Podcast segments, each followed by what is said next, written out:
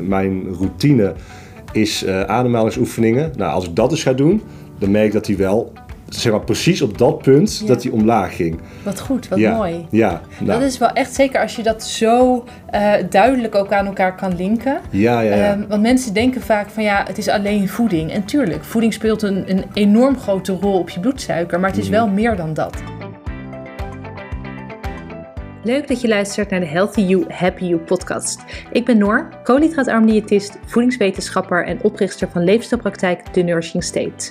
Met mijn podcast neem ik je mee in de wondere wereld van koolhydraatarme voeding en een gezonde leefstijl. Ik laat je zien dat het echt niet ingewikkeld hoeft te zijn en samen met mijn gasten motiveer ik je om die volgende stap te zetten. Stap voor stap naar een gezonde leefstijl waar jij blij van wordt.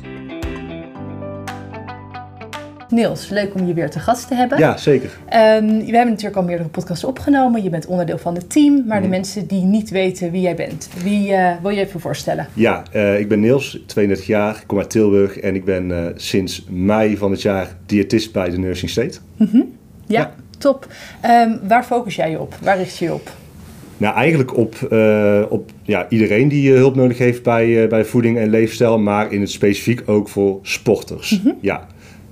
En dat is best wel, denk ik, een beetje een controversieel onderwerp. Koolhydratenarm en sporten. Dus dat is ook. Zeker, ja, ja, ja. ja. Daar valt nog een hele hoop uh, ja. winst in te behalen, inderdaad. Ja, in ieder geval bij de bewustwording van de mensen op, uh, op dat onderwerp. Want het is inderdaad nu nog heel erg het idee van, nou ja, koolhydratenarm en sporten gaat niet goed samen. Mhm. Mm -hmm. ja, ja, dat merk je heel erg, ja. Ja, uh, deze podcast gaan we inzoomen op de bloedsuiker, ja. de, de monitor die wij daarbij gebruiken, hoe wij dat inzetten tijdens de begeleiding. Mhm. Wat natuurlijk enerzijds bij sporters kan, maar zeker ook bij mensen met uh, overgewicht of andere Ja. klachten, insulineresistentie, diabetes, et cetera. Um, jij hebt hem zelf gedragen. Ja. Hoe was dat? Nou ja, ik heb hem op een gegeven moment besteld. Ja. Um, het is voor de mensen die met beeld kijken. Het is uh, dit doosje, de Freestyle Libre 2. Ja. Um, ik ben zelf gaan dragen, omdat natuurlijk uh, er zelf ook mee gaan werken. Dus het is wel fijn om te weten ook uh, wat het inhoudt. Uh, dus ik heb op een gegeven moment de sensor opgedaan. Hier zo op mijn arm. Ja. Um, en ja, gewoon eens gaan kijken wat, wat het doet Mhm. met je. Dus ik ben op een gegeven moment gestart. Dat is anderhalve maand geleden ongeveer.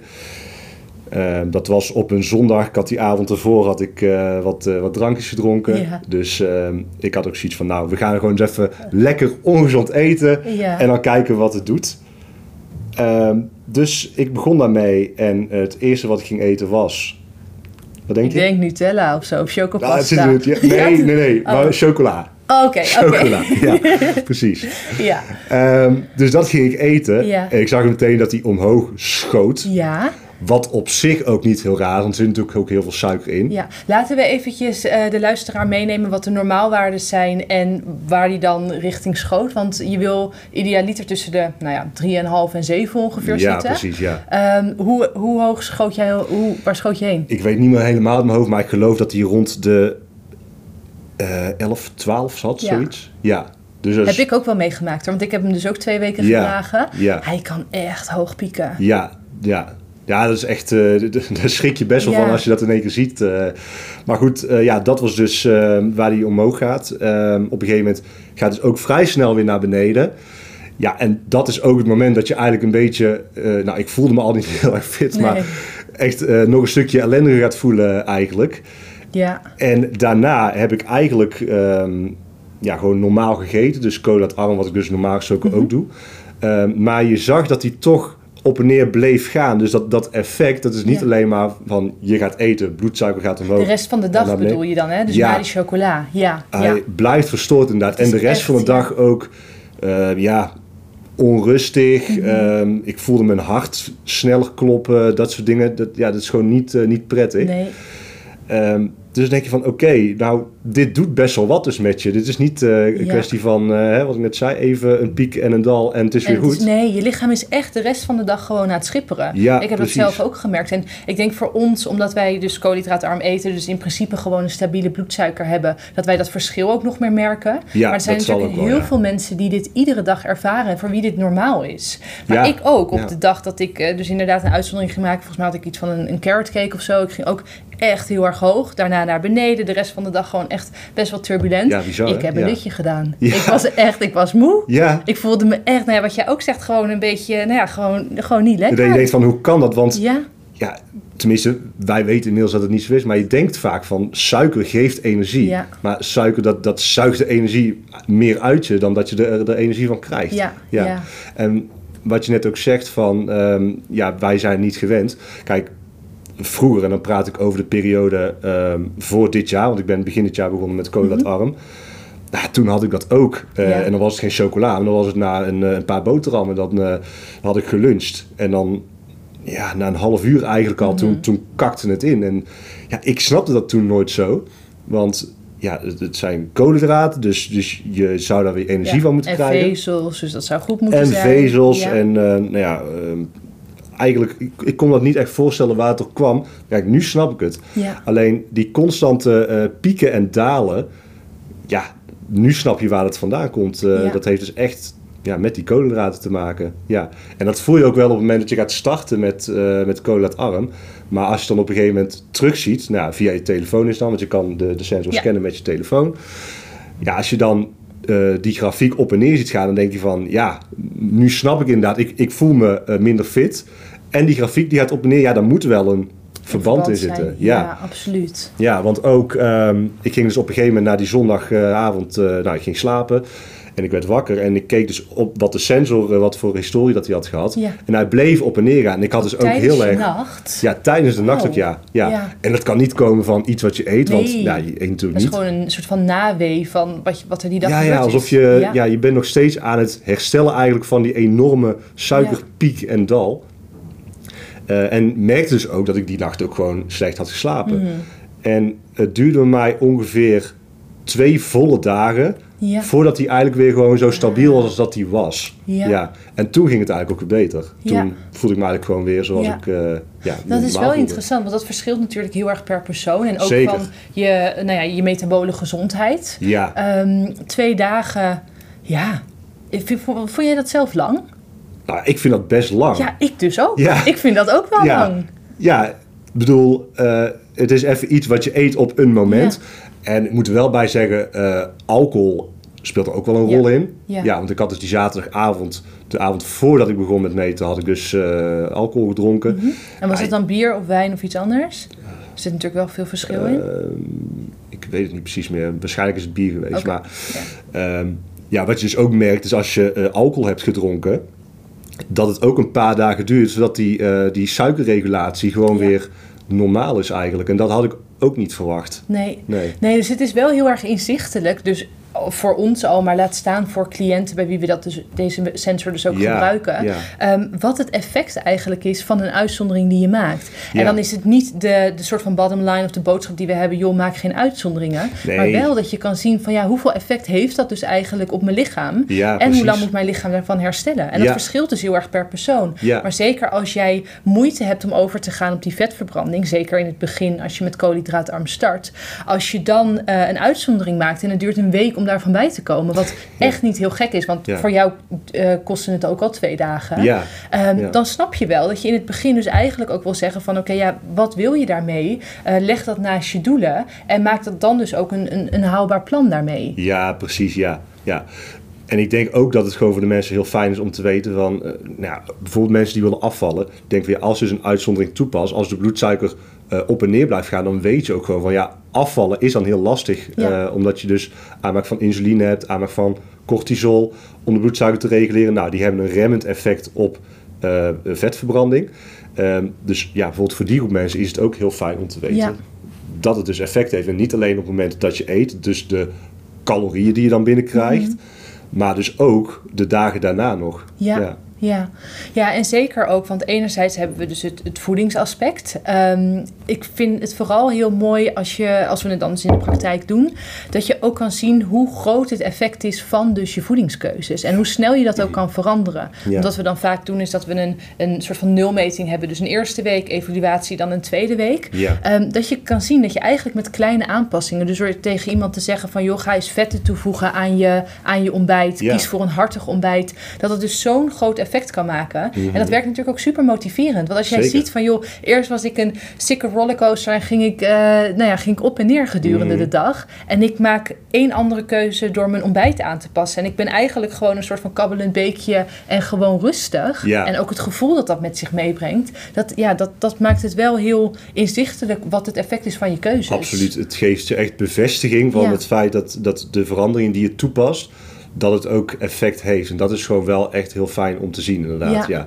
En ook dat je weet van oké, als ik dus eh, fit wil zijn de komende dagen, dan is het verstandig om niet de avond van tevoren eh, chips en chocola of wat dan ook te gaan eten. Dingen met heel veel koolhydraten. Want dan weet je gewoon dat het invloed kan hebben uiteindelijk op eh, ja, hoe je de rest van de dagen voelt. Ja, ja. Ja. Ja. en daarom is het dus ook op meerdere eh, vlakken in te zetten. Want enerzijds heb je natuurlijk het gewichtaspect. Wat wij ook zien is dat eigenlijk dus veel mensen al insulineresistent zijn. Dus minder gevoelig voor insuline. Ja, Dus dat je lichaam echt wel moet schipperen om die bloedsuiker constant te houden. Want nou ja, dat is ook vaak dat mensen dus wel merken van... ja, ik, ik kom aan en ik voel me niet fit en ik heb weinig energie... en ik heb nou ja, tal van andere klachten. Maar dat er natuurlijk nog niet... dia- of nou, natuurlijk, maar dat er in de meeste gevallen dan nog geen diabetes is gediagnosticeerd. Nee, Maar er eigenlijk al wel prediabetes Nou ja, speelt. Ik heb het volgens mij ook gehad. Ehm, Als ik jou zo hoor, zeker over die twee dagen die jij noemt... dan denk ik, Ja. ja, er zit al wel wat in jouw insulinegevoeligheid. Of eigenlijk Ja. ongevoeligheid. Ja, nou, dat, dat denk ik ook wel. Want ehm, nou mijn oma eh, die had diabetes. Mijn tante heeft diabetes. Mijn Mhm. Vader die heeft diabetes. Ah. Dus het is allemaal van die kant van de familie. Ja. Maar ja, de kans dat het dan in je geen zit is vrij Mhm. groot. Ehm, de, ehm, de kans dat je insulineresistent wordt en uiteindelijk diabetes Ja. ontwikkelt. Ja, die aanleg daarvoor, die is dus erfelijk. Nou ja, dat, dat weet Mhm. jij eh, natuurlijk. Ehm, maar daardoor is het niet gek dat als ik bijvoorbeeld jarenlang dus koolhydraten heb gegeten, dat het wel enig effect heeft. Ja. En je kan het wel herstellen. Die insulinegevoeligheid die kan weer verbeterd Mhm. worden. Eh, maar dat, daar gaat best wel een tijdje overheen volgens Ja. mij. Ja. En dat is niet in een paar maanden, denk ik, opgelost. Nee, nee, en je zal dat ook altijd blijven hebben. Kijk, als dat een, Ja. een eh, bepaalde gevoeligheid is, of dus eh, in dit geval als je daar meer kans tot hebt, dan zal het iets zijn waar je altijd rekening mee blijft houden. Want ik heb een soort van vergelijkbaar verhaal dat ik ook nou ja, volop koolhydraten at. Want ja, dat, krijg je, dat, dat, dat leer je als diëtist zijn. Je Ja, graanproducten, je fruit. Ehm, en ik had dan ook inderdaad heel veel dipjes. Dus ik at nou ja, acht keer per dag ongeveer om Ja. het allemaal op te vallen, eh, vangen. Werd heel snel trillerig, heel snel hangry. Ehm, heb ik nu allemaal geen last meer van. Ja. Maar ik heb dus wel ook gezien dat als ik toen ik inderdaad die sensor droeg en wel weer hoger in mijn koolhydraten Ja. zat, ging ik vervolgens heel laag, echt nou ja, ver onder de drie. Zo, Ehm, echt? Ja, ja, ja. Ik heb echt wel. ehm, Dan zit je echt op het niveau van een hypo. ja, ik heb echt, echt wel best wel slechte waardes gehad. En hoe voel je je dan? Verschrikkelijk. Toen ben ik ook gewoon op bed gaan liggen. Dat was echt niet fijn. Ja, dan ben je gewoon zo slaperig dat je eigenlijk gewoon niks anders ja, meer en kan. mijn lichaam ehm, nou ja, was er dus ook heel erg hard aan het werk. Want vervolgens ging ik weer omhoog. Daarna ging ik weer Ja. naar beneden. Ja. Ehm, ik moet zeggen dat het bij mij dan wel het verschil was dat het niet per se meerdere dagen duurde. Het duurde dan echt een dag en dan was het ook wel weer voorbij. Ja. Nu eet ik ook al wel nou, ongeveer vijf jaar eh ketogeen. Dus misschien dat daar ook een verschil in Mhm, zit. ja, maar mijn vader wel. heeft dus diabetes type 1. Dus bij mij zit er ook in, een gevoeligheid in de familie. Ja. Ehm, dus het is heel interessant omdat je eigenlijk denkt van joh, ik ben eh, jong en fit en ja, misschien dat ik gewoon een beetje moe ben af en toe. Ja. Eh, maar het kan het dus heel erg inzichtelijk maken ja, wat er eigenlijk speelt. Ja, absoluut. Ja. ja, en wat het dus bij mij eh, persoonlijk wel teweeg heeft Mhm. gebracht, is dat ik, dat ik veel bewuster omga met uitzonderingen. Want ik ben Ja. dus begonnen met koolhydraatarm, dat ben ik heel streng gaan doen. Nou, op een gegeven moment ja, steeds vaker wat uitzonderingen Ja. toepassen. Omdat ik denk van ja, oké, mijn lijf is nu zo eh, gewend aan die vetverbranding, dat kan wel. Ja, Ehm, maar ik merkte ook dat op een gegeven moment dat de vermoeidheid wel langzaam maar zeker een beetje terug begon te komen. En nu, met, met die kennis die ik heb van, Ja. eh, van deze sensor, weet ik dus waar dat vandaan komt. Ja, Dat maakt het wel vrij duidelijk inderdaad, ja.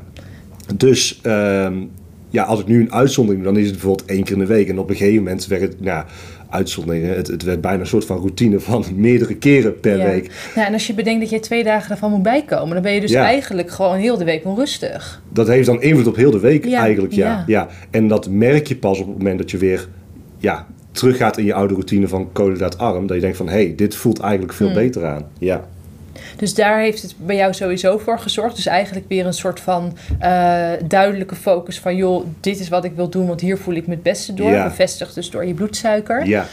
Um, dat is het voedingsaspect. Wat voor andere dingen zijn jou opgevallen? Uh, in welke zin Beweging bijvoorbeeld? Wat doet dat met je oh, bloedsuiker? Zo. Um, nou, ik heb hem dus ook op een gegeven moment opgehad toen ik ging sporten. Ja. Um, en ze zeggen dat van krachttraining dat die, dat die omhoog gaat. Maar bij mij is dat niet het geval geweest. Ah, dus, boeiend. Ja, want ik heb daar een paar uh, Instagram posts ook over gezien. Waarbij ook uh, dat, dat, dat groots werd uitgepakt eigenlijk. Van hé, hey, kijk, als je dus ja. krachttraining doet, dan gaat hij omhoog.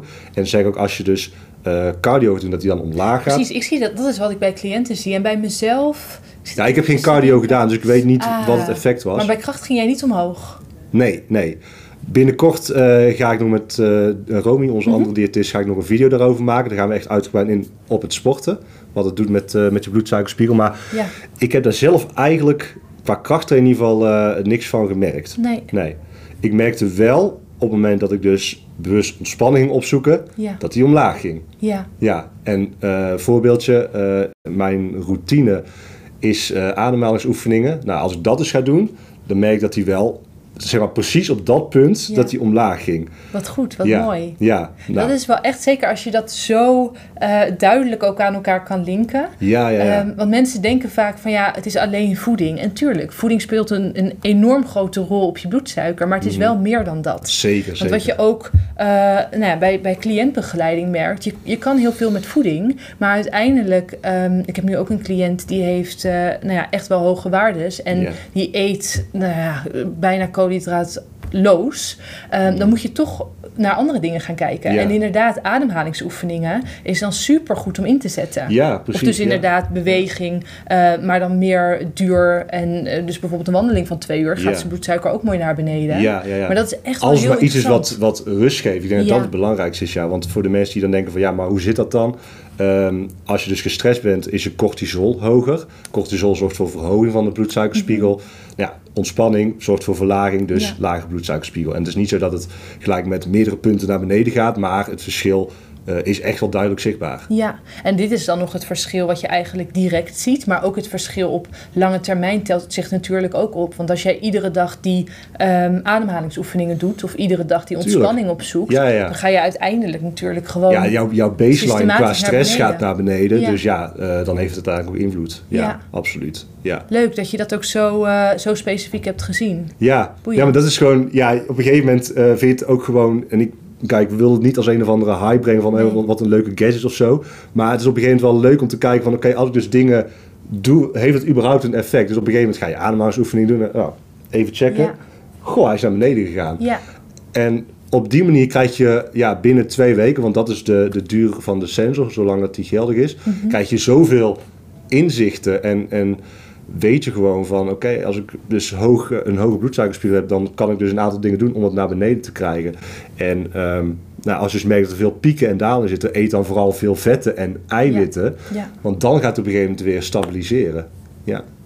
Want hoe was dat bij jou? Um, nou je, je, zei al van oké, okay, die, die, twee dagen was het dan dus in ieder geval onrustiger. Ja. Merkte je ook dat je daardoor uh, dat je meer zoetbehoefte had op die momenten? Ja. Ja, hè? ja. ja ja, die behoefte was er zeker. Alleen ik had ook zoiets van: oké, okay, maar ik wil mezelf wel eventjes dwingen om dat niet te doen. Nee. Want anders dan blijft het doorgaan. je dat in stand, en ik wil gewoon dat het weer wordt zoals het was. Dus ja, um, ja die gedachte van: oké, okay, als ik dus zoet ga eten, dan gaat die bloedsuikerspiegel op. En dat sterkt je wel in de gedachte eigenlijk om dat juist niet te doen. Dat je ja. weet wat, uh, wat de effecten daarvan zijn. Ja, ja. dus het kan. Dus het is ook weer een ja, extra stimulans eigenlijk. Precies, ja, het ja. kan echt wel als een motivator werken om dus bepaalde keuzes te maken. Ja. En om ook gewoon de, um, de persoonlijke verschillen eruit te halen. Ja. Want wat je ook ziet, kijk, er, je hebt mensen die um, reageren zo heftig op koolhydraten dat als die een, een bietje nemen, uh, zij het bij een maaltijd, dat ze nog steeds omhoog schieten. En je hebt mensen die dat prima kunnen doen en eventueel wat zoete aardappel en dan nog steeds een stabiele bloedsuiker Ja, hebben. is per persoon echt wel verschillend. Ja. ja absoluut. Ja.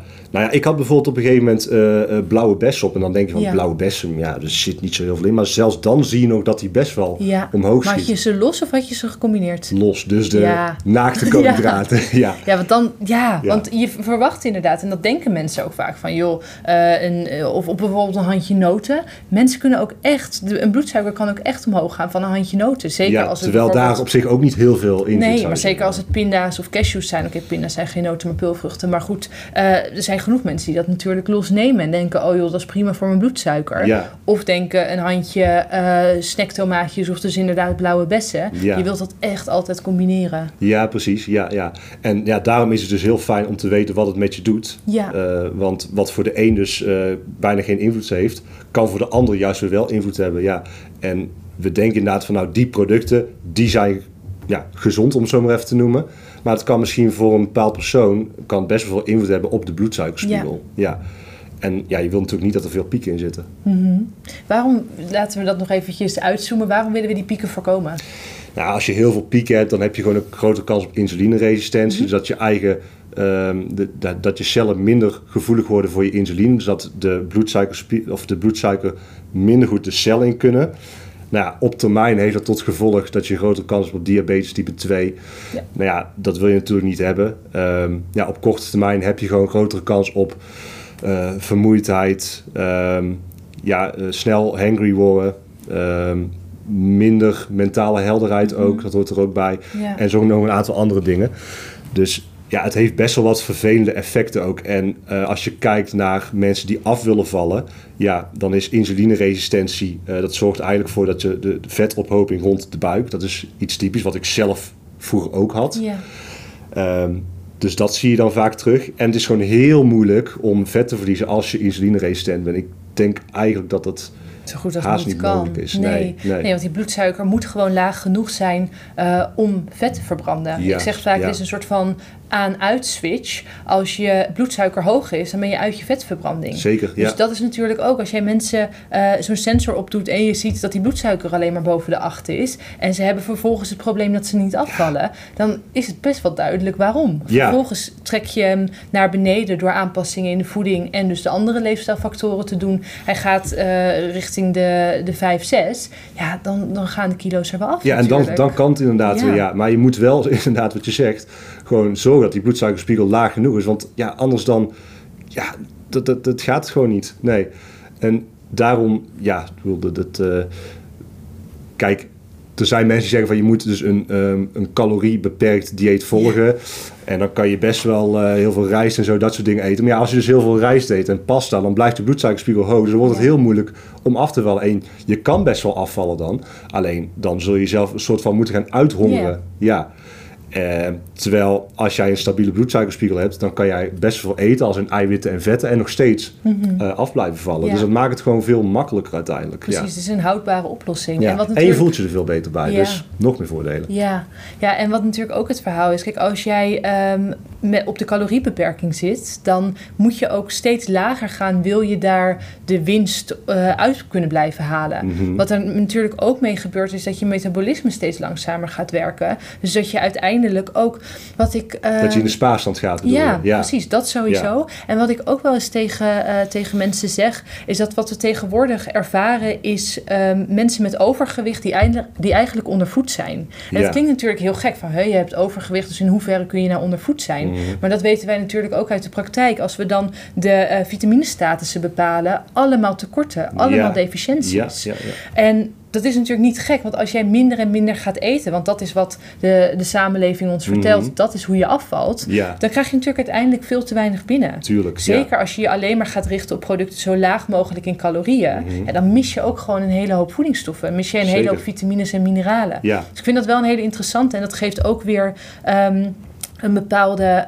Um, ja, een, een bepaald inzicht naar mensen met, met overgewicht. Mm. Dat het niet zo is dat je uh, dat, dat het betekent dat je maar genoeg voedingsstoffen hebt. Mm. Want je ziet heel vaak, juist omdat, ze steeds, omdat je steeds minder gaat eten, dat je dus eigenlijk hele grote tekorten opbouwt. Wat het ook weer lastiger maakt om vervolgens af te vallen. Ja. Dus ik vind dat dat ja. wel een, een hele belangrijke is. En ook hoe wij kijken naar, um, naar overgewicht. Kijk, het is veel meer de um, uiteindelijke het uiteindelijke gevolg dan dat het de oorzaak is. Dat is natuurlijk wat we ook zien met de glucosemetingen. Mm De uiteindelijke oorzaak is insulineresistentie. Een gevolg daarvan is overgewicht, omdat je lichaam niet meer weet hoe het zich moet reguleren. Mhm. Dus ik vind dat wel een, ehm, ik, ik, ik vind dat een interessante.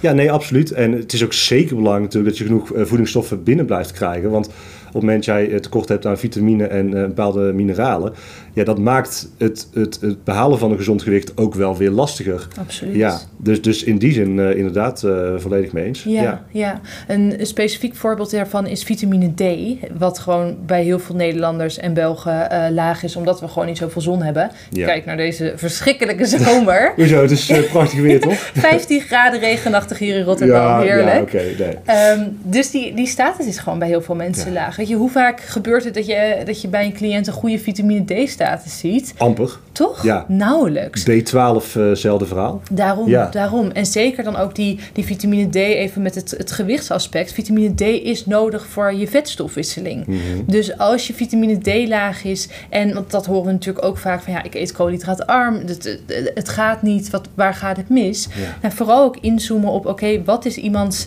metabole gezondheid? Mhm. En als je daar dus ziet van, oké, er zijn grote deficiënties en die pak je niet aan, ja, dan is het een beetje dweilen met de kraan open. Ja, dat is zeker. En uh, vitamine D zorgt ook voor opname van magnesium. Magnesium zorgt voor ontspanning. Ja. En ontspanning maakt het makkelijker om in je vetverbranding te komen. Ja, en om dus je cortisol naar beneden te houden. Precies, ja, precies. Ja. dus, dus dat zijn allemaal dingen die meespelen inderdaad. En um, nou, ook als je dus voor een caloriebeperkt dieet gaat, dan zul je minder vet eten, krijg je ook minder vitamine D binnen. Dus ja, dan uh, ga je daar ook weer tekort mee opbouwen. Dus, ja, dus het uh, probleem wordt alleen maar groter. Het probleem wordt alleen maar groter, ja, ja, zeker. Ja. Dus dat is mooi. En dat is natuurlijk ook wat wij met de begeleiding doen, is het zo, zo holistisch mogelijk aanpakken. Mm -hmm. Het een heeft met het ander te maken. Kijk, ik denk dat we nu binnen de gezondheidszorg heel erg bezig zijn met overfocus op één ding. Want iemand heeft, um, nou ja, uh, knieklachten of iemand heeft last van darmproblemen. Ja. Het een heeft natuurlijk vaak met het ander te maken. Zeker, Want als jij darmklachten hebt, dan heeft dat ook weer invloed op hoe jij voedingsstoffen opneemt. Um, dus dan, dan zullen daar natuurlijk ook verschuivingen en disbalansen in ontstaan. Absoluut, ja. Ja, dus om dat volledig in kaart te brengen en zeker daar dus ook de sensor bij te gebruiken, ja, dat geeft gewoon heel veel inzicht. Ja, ik denk zeg maar het bloedonderzoek in combinatie met dit, ik denk dat dit heel veel inzicht geeft uiteindelijk voor de mensen van waar kan het probleem uiteindelijk zitten. Ja. Mhm. En dat, dat maakt het ook veel makkelijker om gericht een oplossing te zoeken voor het probleem wat uh, cliënten ervaren. Ja. ja. Uh, nog even als een soort van samenvatting. Bij welke cliënten zet jij de sensor in? Wat zijn situaties? Nou, mensen die moeite hebben met, uh, met af te vallen. dat is een goede om daarbij in te zetten. Want als dus, wat we net zeiden, de bloedsuikerspiegel structureel aan het pieken en het dalen is, dan weet je dus van oké, daar zit iets. Um, niet bij mensen die uh, al moeite hebben met, uh, ja, zeg maar, moeilijke relatie hebben met eten. Want dan is het te veel monitoren en tracken van dingen is meestal een beetje contraproductief. Dus dan doen we het niet. Um, maar bijvoorbeeld mensen die last hebben van vermoeidheid, ook een goede om daarvoor in te zetten. Zeker de mensen die zeggen van, goh, ik heb altijd last van zo'n uh, zo'n vier uur dip. Ja. ja. Dan kun je daar ook heel veel informatie uithalen. Um, ja, ik denk vooral bij die mensen. Ja. ja. En in hoeverre zou je het bij sporters inzetten? Nou, kun je het ook voor inzetten. Ja. Um, zeker mensen die toch wel moeite hebben uh, om, een, om een constant energieniveau uh, ja. te halen. Um, maar ook mensen die zoiets hebben van ja, ik moet van tevoren iets hebben gegeten, want anders dan, uh, dan, dan presteer ik niet goed. Die kunnen met, met deze zien dat ze wellicht toch een constante bloedsuikerspiegel kunnen houden ja. terwijl ze aan het sporten zijn. ja. ja. Dus, en dat met een koolhydraatarm dieet. Dus daar kan het ook interessant voor zijn. Ja. ja, dus eigenlijk op een breed scala in te zetten. Maar dus zeker ook voor mensen bij wie je eigenlijk een, een uh, insuline uh, ongevoeligheid uh, verdenkt. Mm-hmm. En die dus nog niet gediagnosticeerd zijn als diabetes, maar mogelijk wel prediabetes hebben, dat we die er ook gewoon heel goed uit kunnen filteren. Ja, precies. Ja, ja. ja. En Romy vertelde volgens mij ook, uh, onze andere koolhydraatarm diëtist, dat ze een cliënt had die um, mogelijk diabetes type 1 bleek te hebben. Ja. Dat ze dat met de sensor eruit hebben gehaald. Ja. Zo zie je maar. Dat er zijn natuurlijk zoveel klachten die ook een beetje worden weggewuifd. Ja. Um, en ja, dan een bloedsuiker, een stabiele bloedsuiker is gewoon zo bepalend voor een goede gezondheid. Absoluut, ja. Dus om dat met cliënten in kaart te brengen, ja, dat, dat geeft gewoon echt een heel duidelijk um, startpunt waar je mee aan de slag gaat. Ja, en dat kan voor mensen echt wel gewoon life-changing zijn ook. Als we op een gegeven moment weten van oké, ik loop dus al jarenlang met iets rond waarvan ik niet weet wat het is. Ja. Uh, dus als je dat op die manier erachter weet te komen en je kan daar gericht op gaan focussen, dan kun je dus ook eindelijk ook, ja, ik zou niet zeggen meteen van die klachten afkomen, maar in ieder geval wel uh, kunnen verbeteren daardoor. ja. Top. Ja. Hey, heb je nog een laatste advies of een tip wat jij hebt uh, meegenomen uit jouw twee weken met de, met de sensor? Ja, ik heb het net eigenlijk al uh, genoemd, maar uh, ik ga dus bewuster eigenlijk om met uitzonderingen die ik toepas. En ja, de belangrijkste les die ik eigenlijk heb geleerd van oké, als je dus uitzondering hebt toegepast, ga gewoon weer eiwitten en vetten eten. En na een paar dagen, of binnen een paar dagen, is de kans groot dat je gewoon weer ja. oké voelt. Um, ja, en probeer dat ook zoveel mogelijk vol te houden. uitzonderingen horen zeker bij. Mm -hmm. Maar je weet in ieder geval wat het effect is met deze en hoe je het ook uiteindelijk weer uh, kunt stabiliseren. Ja, ja, top.